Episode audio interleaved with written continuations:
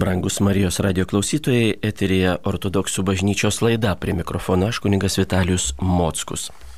Susipažinsime su krikščionybė ir ortodoksų krikščionybė per asmenis, per tuos žmonės, kurie yra mums pavyzdžiai, kuriuos mes įvardyjame, vadiname šventaisiais, kurių pavyzdžių turėtume sekti o svarbiausia žinoti apie juos, susipažinti ir pažiūrėti, kaip jie gyvendami įvykdė arba siekia įvykdyti Dievo įsakymus. Taigi tokių šventųjų yra labai daug. Kiekvienas amžius, kiekviena epocha suteikia mums galimybę arba gyventi kartu tuo pačiu metu, arba gal net ir pažinoti, arba sužinoti apie įvairius šventuosius. Ir kiekviena epocha duoda savus šventuosius, tie, kurie reikalingi tuo metu, kurie gali, sugeba atskleisti krikščionybę, ryšį su Dievu, maldos esmę tos kartos, tos epochos žmonėms. Šiandien laidą pradėsime nuo vieno šventojo, kuris atrodytų keistokas mūsų laikams. Bet kalbėdami apie jį pamatysim, kad jis buvo labai reikalingas mūsų laikams, mūsų kartos žmonėms.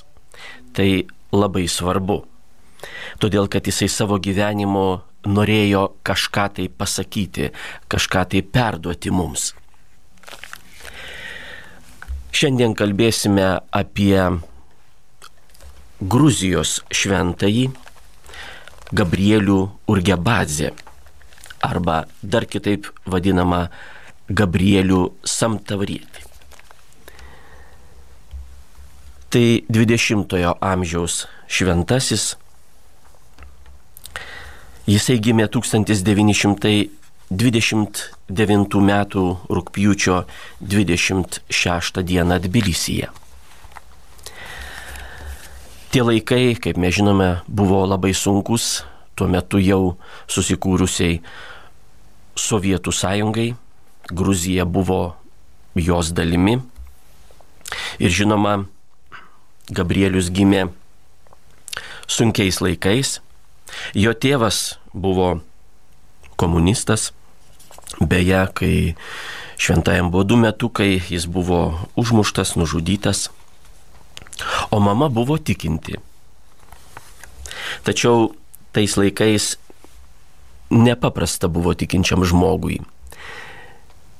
Negalėjo ir jis taip atvirai rodyti, parodyti savo tikėjimo, nesulaukdamas atitinkamo atsako, atitinkamos reakcijos iš aplinkinių.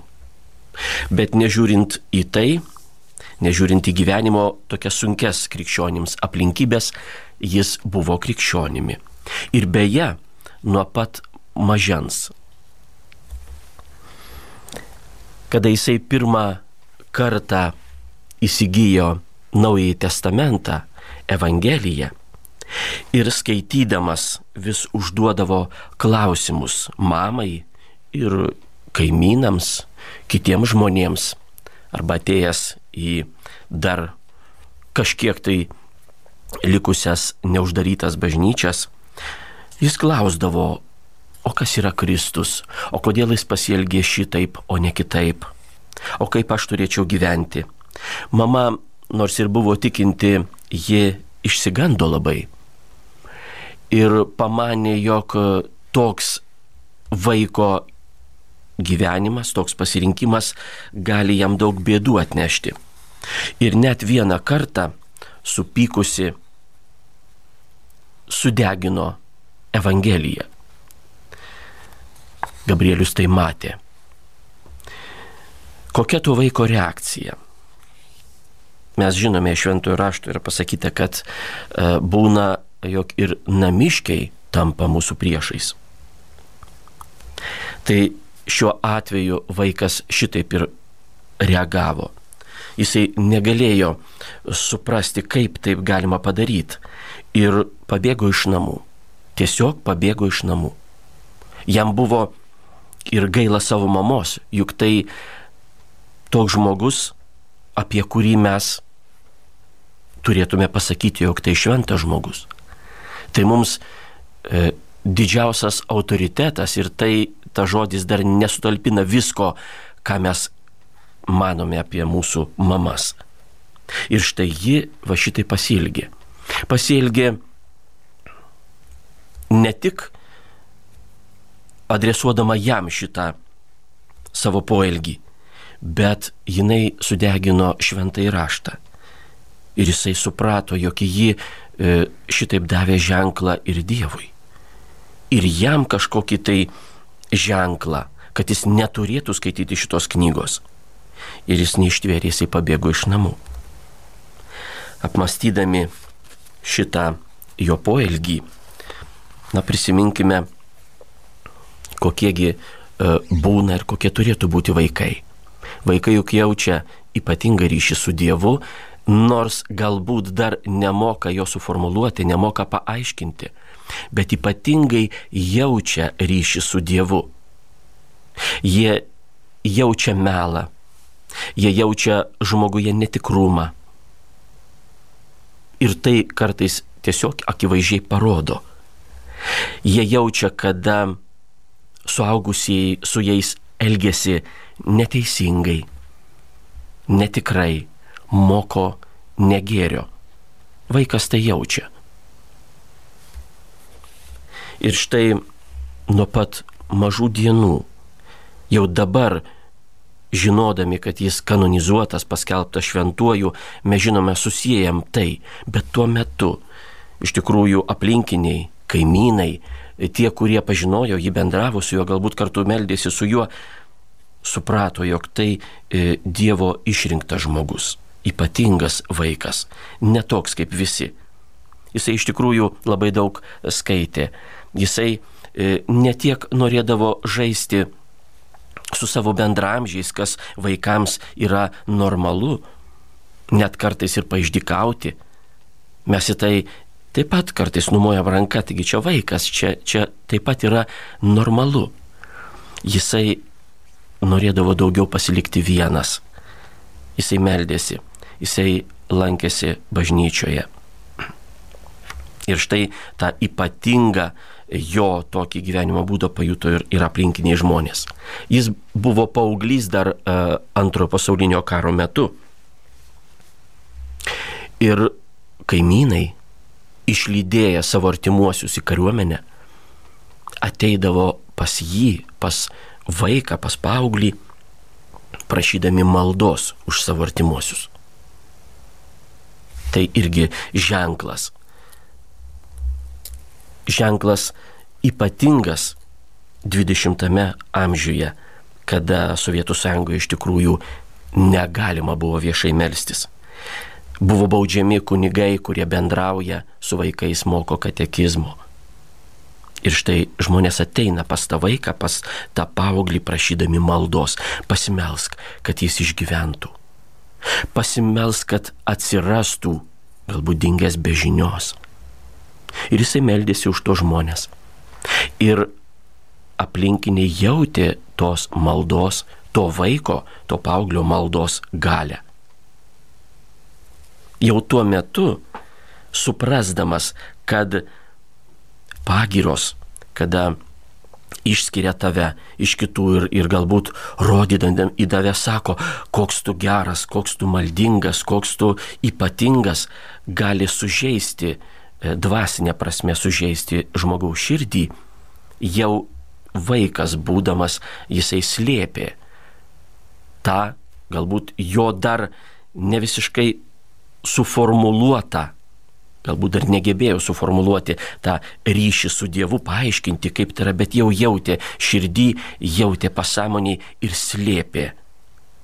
Stengiasi nerodyti kitiems, jog jis meldžiasi, stengiasi e, tuo metu užsidaryti, kaip šventajame rašte pasakyta, užsidaryti savo kambarėlyje, kad tik tai dangiškasis tėvas matytų. Taigi štai kokie vaikai būna. Galiausiai ateina metas ir jį pakviečia į kariuomenę. Tai ypatingos gyvenimo aplinkybės. Tai tokia kariuomenė Sovietų sąjungoje, tai buvo 50-ieji metai, e, labai skiriasi jinai nuo mūsų dienų kariuomenės, kada ateina kapelionai, kada kariai gali nueiti, o kartais net ir paraginami nueiti į bažnyčią, padėkoti Dievui, pasimelsti, paprašyti stiprybės, jėgų, ištvermės. Tuo metu taip negalima buvo. Ir tos ypatingos gyvenimo aplinkybės, kuriomis galima buvo, galima būtų pasiteisinti, jog aš negalėjau, man neleisdavo, man neduodavo galimybės, manęs neišleisdavo. Jis rasdavo būdų, kaip beveik kasdien ateiti į bažnyčią, beveik kasdien. Jis rasdavo būdų, kada ir kaip pasimelsti. Nors galima buvo pasiteisinti, negalėjau. Bet jisai suprato ir tuo metu jau suprato.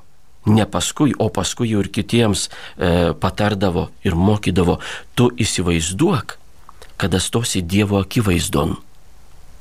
Ir tavęs Dievas paklaus, o kodėl tu nebendravai su manimi? Nejaugi tu galėsi atsakyti, aš buvau kariuomenėje. Arba man karininkas neleido.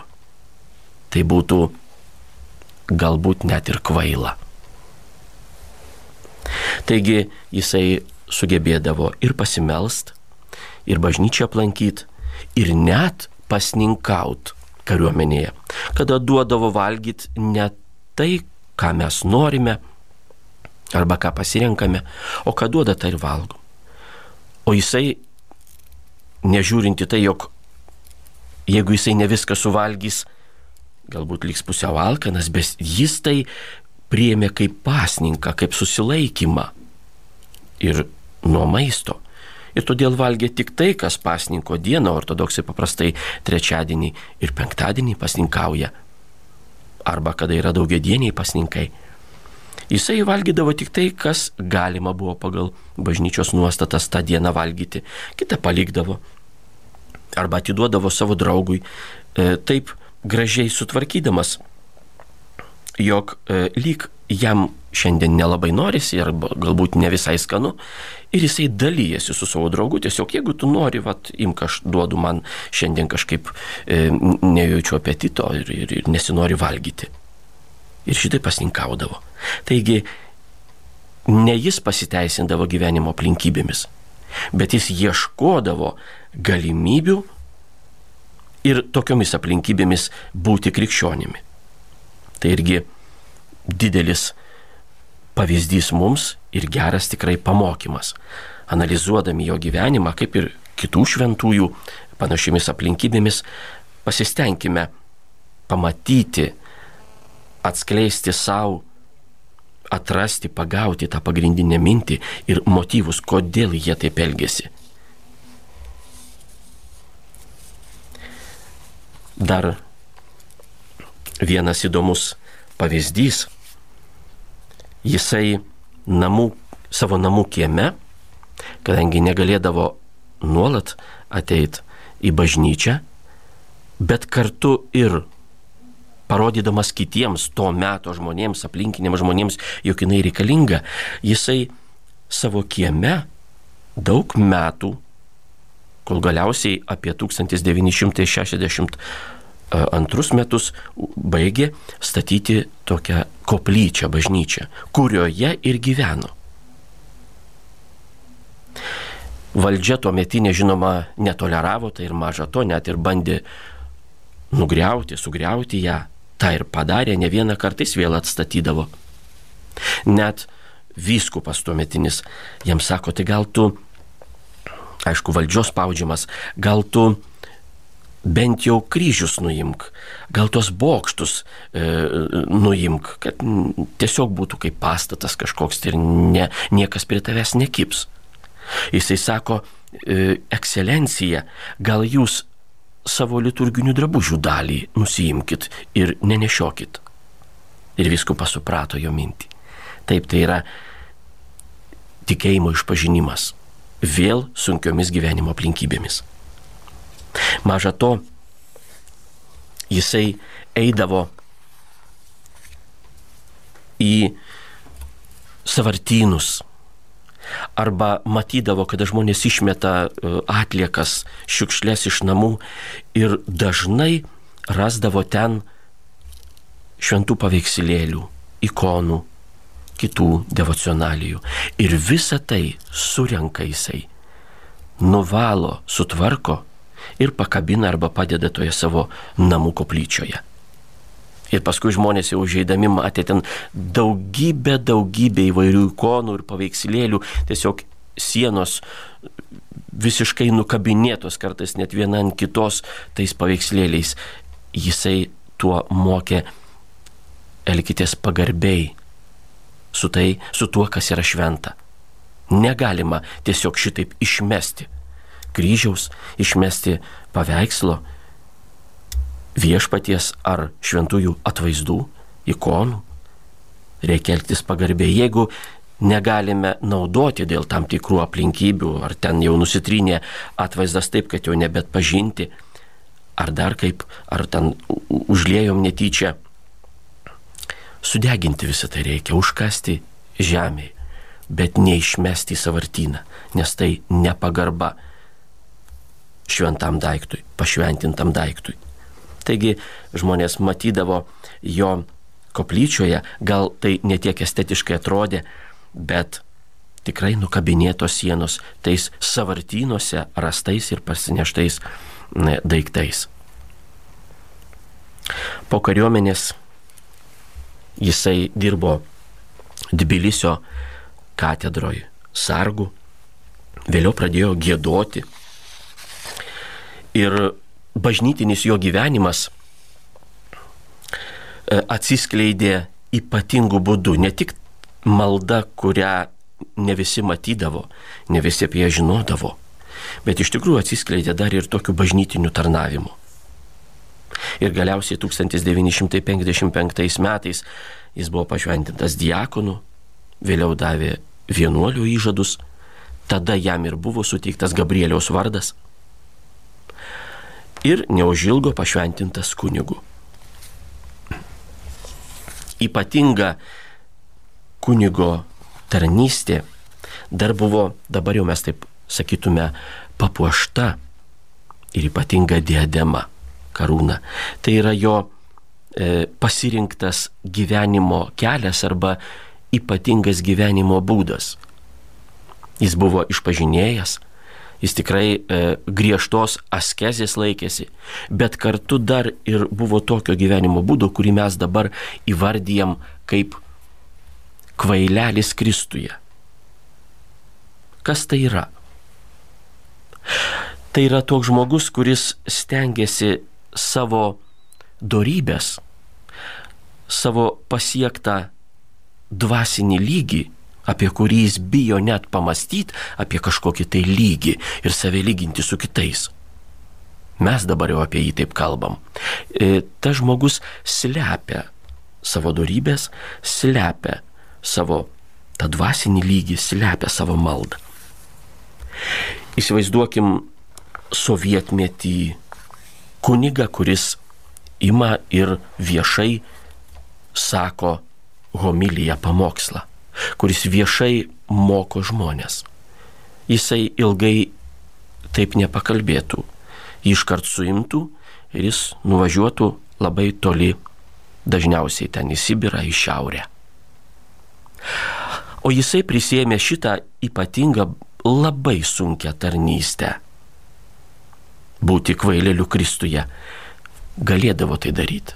Nes visi taip ir manydavo, taigi jis kvailelis, taigi jis ligonis yra. Sukiodavo pirštą prie smilkinio, tai ką čia jisai šneka. Ir jisai galėdavo atvirai, o taip mieste eidamas, kalbėti žmonėms apie Dievą. Vienas ypatingas atvejis jo gyvenime buvo 1965 m. gegužės pirmą dieną kas gyveno tuo metu, žino, kad gegužės pirmą dieną e, tuo metu buvo ypatinga tuo, jog vykdavo tokie paradai, eisenos. su vėliavom, transparantais, šūkiais. Ir Gruzijoje, Tbilisyje taip pat tas paradas vyko ir buvo iškabintas didžiulis apie 12 metrų aukščio Lenino portretas. Ir štai šitas kunigas vienuolis Gabrielius kvailelis Kristuje prieina prie to portreto, apipila į žibalų ir padega viešai. Viešai 65 metų gegužės pirmą dieną.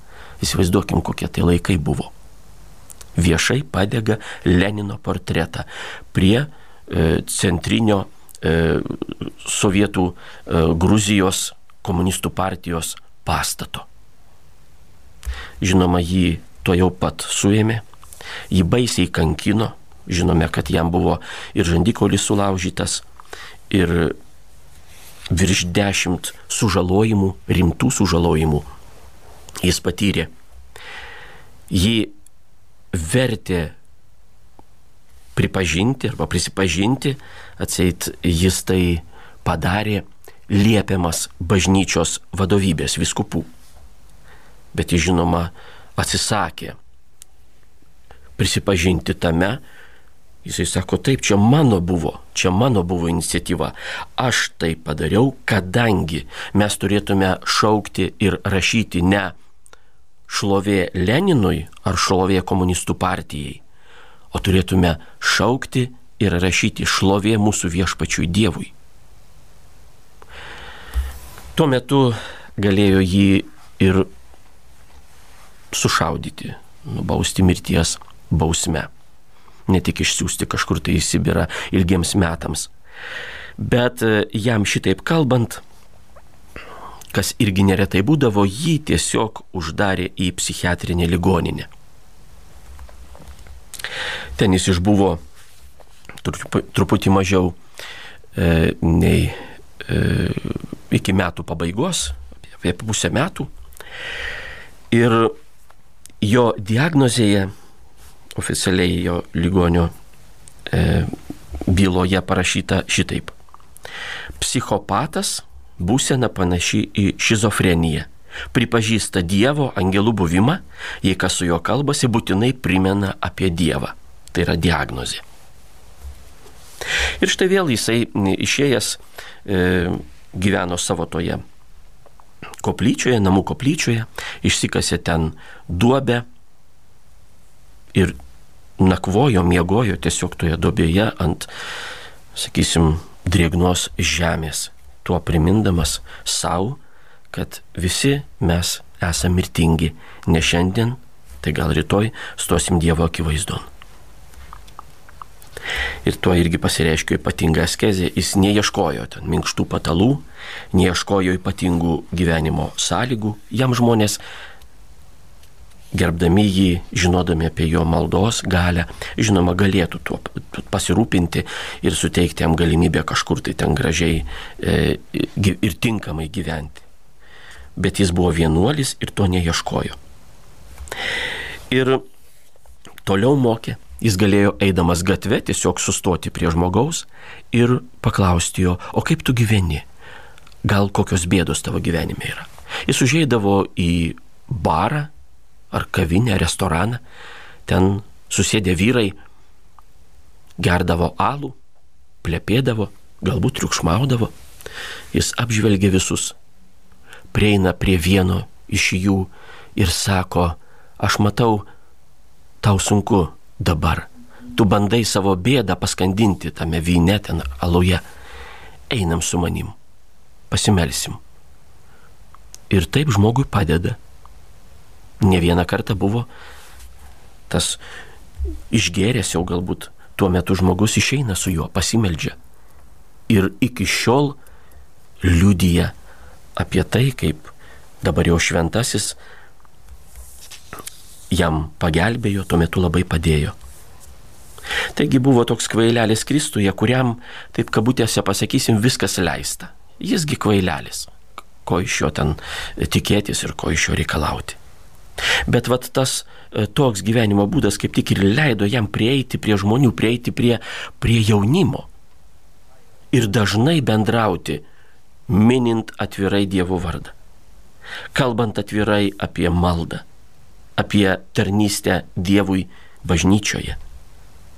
Nes jis oficialiai buvo psichopatas, būsena panaši į šizofreniją. Bet įsivaizduokim, kaip žmogui, juk kiekvienas, net ir šventasis yra žmogus, kaip yra sunku, kada iš tavęs tyčiojasi, kada, įsivaizduokim, tiesiog vat kartais pirštą prie smilkinio pasukioja, kaip mes įsižeidžiam. O jam reikėjo visą gyvenimą gyventi su tuo, gyventi taip. Nekreipiant dėmesio į tai, ką apie jį galvoja, ką apie jį kalba, ką galbūt ne vienas žmogus sutikęs dar ir šūkteli gatvėje, arba pavaro jį, arba spiria, arba grubiai išžeisdamas viešai prie visų žmonių, o šitaip elgėsi su juo. Ką jam teko iškesti, bet jisai nešė tą savo kryžių tam, kad galėtų padėti kitiems, kad galėtų prieiti prie tų žmonių, kuriuos jam parodė Dievas, siuntė prie to žmogaus, kad jisai padėtų jam, kad jisai išgelbėtų jį. O galbūt net ir pritrauktų prie Dievo, pakviestų jį tarnystį Dievui. Ir dabar daugybė, daugybė liudijimų yra žmonių, kurie ir šiandien dieną gyvena ir sako, aš jo dėka jį sutikęs gyvenime aš atsiverčiau. Jis meldėsi už mane.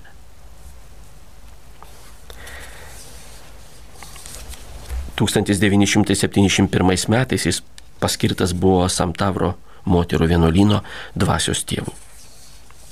Buvo labai griežtas vienuolėms. Vėl, kad neparodyti joms savo to dvasinio lygio, savo maldos, kad jį negirtų, nešlovintų ir tuo galbūt išauktų jo širdį, va tas žmogiškas tokias savybės, truputį tai pasipuikuoti, kaip aš melžiuosi, va visi čia man e, rankas bučiuoja, atvažiuoja pas mane daugybė žmonių. Jisai ir toliau gyveno va taip kvaileliu Kristuje. Vienuolės dažnai bardavo. Viena iš jų, dabar vienuolino vyresnioji liudija, tai baisiai, tokiais žodžiais jis mane barė už kažką tai, bet sako, nebaisu buvo ir net nepikta buvo, nes aš mačiau jo akis. Jo akise nuolat švitėjo meilė. Nuolat. Ir todėl jau nekreipiai dėmesio į žodžius, kokiais jisai tau pasako apie tavo nuodėmę, apie tai, kad tu netinkamai pasielgiai, o žiūri ir tas žvilgsnis tave taip sušildo, jog tu norisi tau tiesiog pasitaisyti, atsiversti, būti geresnė. Toks liūdėjimas. Jisai savo vienuolės, moteris vienuolės versdavo, tarkim, e, prašyti išmaldos gatvėje. Įsivaizduojam, tai sovietmetis. Eina gatve vienuolė ir prašo pinigų. Visko sulaukdavo, bet šventas Grigalius sako, čia tau nuolankumui kad tu irgi nesipuikuotum. Dažnai vis tiek žmonės atpažįsta, tikinti žmonės atpažįsta va, tą maldą, maldą, tikrą dvasinį gyvenimą, tą Dievo švitėjimą žmoguje. Ir tikrai, kad taip jau jo negirtų, o būdavogi tokių, kad, kad ateina ir, ir, ten, ir, ir visiems sako, štai jisai man padėjo, jisai toks geras, toks nuostabus, toks šventas. O žmogusgi e, ne vienas jo nuopolio, jo pražūties nori ir piktosios dvasios. Ir žinoma, pagauna tą mintį, jam ten palieka širdį, štai tu ten žiūrėk, turėk va tą mintį, koks tu geras esi. Tai jisai tam, kad jo negirtų, ateina žmogus ir mato, o jisai taip lyg netyčia pridengė skepetėlę ar, ar kokią tai ten uh, uždangalą kokiu tai butelį vyno. Atkimšto butelį vyno pridengė lyg ir netyčia, kad nepastebėtų. Ir tas mano, a, tai išgerintis. O kartais net, būdamas vat, tuo kvaileliu Kristuje, net apsimesdavo išgeręs. Lyg nerišliai kalba, lyg eina svirduliuodamas. Ir vėl žmonės, ai, tai koks jis ten o tas vienuolis meldžiasi už tą žmogų ir padeda jam. Taigi va šitaip jisai slėpė savo, savo tas darybės ir tikrai labai svarbu motyvai, nes vienuolių pagiros šlovinimas kažkoks, tai iškelimas jį virš kitų yra tikrai pavojingas.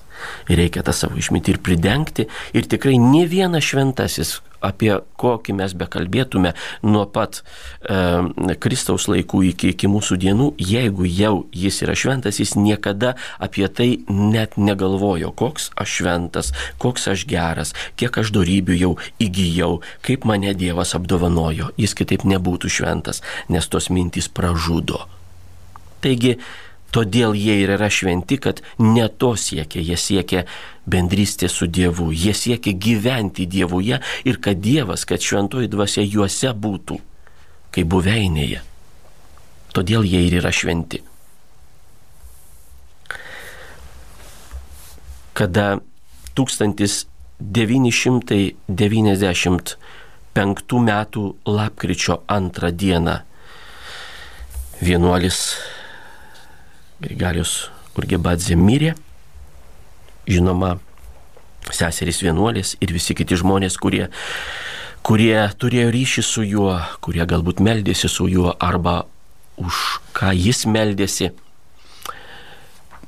išgyveno labai skaudžiai tą netektį, bet liudyja, jog laidotuvių dieną jautėsi ne tiek skausmas, kiek šventė žmogus žengia į dangų. Ir įdomi tokia detalė, kada 2012 metų gruodžio 20 dieną jis buvo kanonizuotas, o po dviejų metų buvo mm, ekshumuoti jo palaikai, nesudulėję palaikai. Tai seserys vienuolės, o jisai, priminsiu dar kartą, mirė 1995 metais, lapkričio mėnesį. Tai ir iki šiol yra daugybė žmonių, kurie jį asmeniškai pažinojo. Tai seserys vienuolės, prisimindamos e, tas dienas, kada jis buvo gyvas ir jis joms liepdavo e, prieš miegą jam gėduoti lopšinę, kada buvo ekshumuojami jo palaikai, iškeliami į viršų, iš, iš kapo, jos gėdojo lopšinę. Va to parodydami tą šiltą ryšį su juo. Jis nepaliko jų. E, ir vienuolės, ir, ir kiti tikintieji jautė jo buvimą šalia, jo maldą, jo palaikymą. Taigi štai mūsų laikų šventasis Gabrielius Urgebadzė Samtavrietis iš Gruzijos. Išpažinėjas, griežtas asketas, kvailelis Kristuje, apie kurį dabar sako, jis buvo Dievo meilės indas. Keletą jo pamokymų. Geriausia žvakė, o mes žinome, ortodoksų bažnyčioje yra a, tradicija nuolat a, bažnyčioje uždegti žvakeles, žvakes. Jisai sako, geriausia žvakė yra tavo nuolankumas. Kada apima puikybė, aš užsidedu diademą ir einu gatvę basą. Žmonės juokiasi, o man į naudą. Puikybė dinksta. Tik meilės kupina širdimi galima kitam pasakyti apie jo nuodėmės, kitaip neišgirs kada malda tampa nuodėme. Kaip tai klausė seserys vienuolės, argi taip gali būti? Gal kada mes nedėmesingai melžiamės? Ne, sako, čia mesgi dar mokomės. O gal kada mes be širdies melžiamės, tiesiog ištariam, ne, sako, mes irgi tada dar mokomės melstis. Tai kadagi malda gali būti nuodėminga?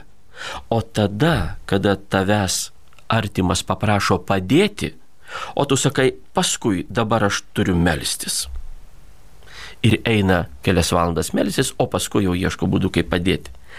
Tai štai kada mūsų malda yra atsieta nuo meilės artimui ir meilės Dievui, tokia malda nuodėminga. Nežinodamas kito žmogaus dvasinio lygio, jo gyvenimo aplinkybių, nepatarinėk jam, gali suklysti ir pražudyti jį kam viešpats siunčia skausmą ir bėdas gyvenime. arba leidžia joms būti mūsų gyvenime. Šventas Gabrielius sako, dabar supratau, mūsų akmeninę širdį gali sudaužyti tik toks kūjis - bėdos ir skausmas, kada mes negirdim kitokio balso, kada mes nejaučiam kvietimo kitokio.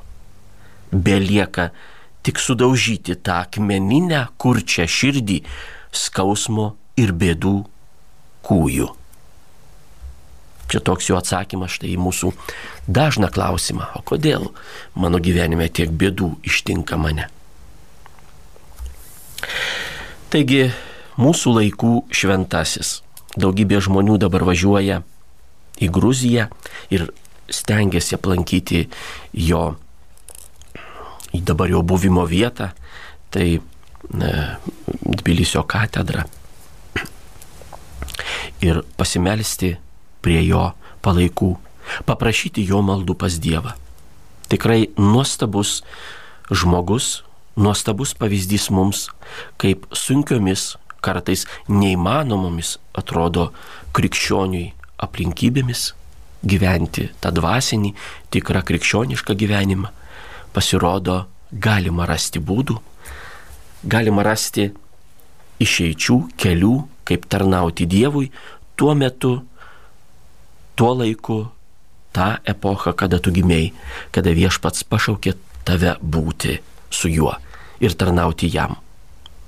Taigi, kreipkime maldą į Šventą Gabrielių ir prašykime stiprybės ir mums išpažinti savo tikėjimą taip, kad žmonės galėtų išgirsti ne tiek mūsų balsą, bet išgirsti mūsų širdies dūžius, pamatyti mūsų gyvenimą, o juo mes turėtume skelbti prisikėlusi viešpati, ne tiek žodžiais, kiek gyvenimu. Ir paprašykime jo būti su mumis ir mūsų užtarėjų pas viešpati Dievą. Girdėjome ortodoksų bažnyčios laidą, kalbėjome apie šventąjį Gabrielių Urgebadzę, Samtavrietį, Gruzijos šventąjį. Iki kito susitikimo garbė Jėzui Kristui.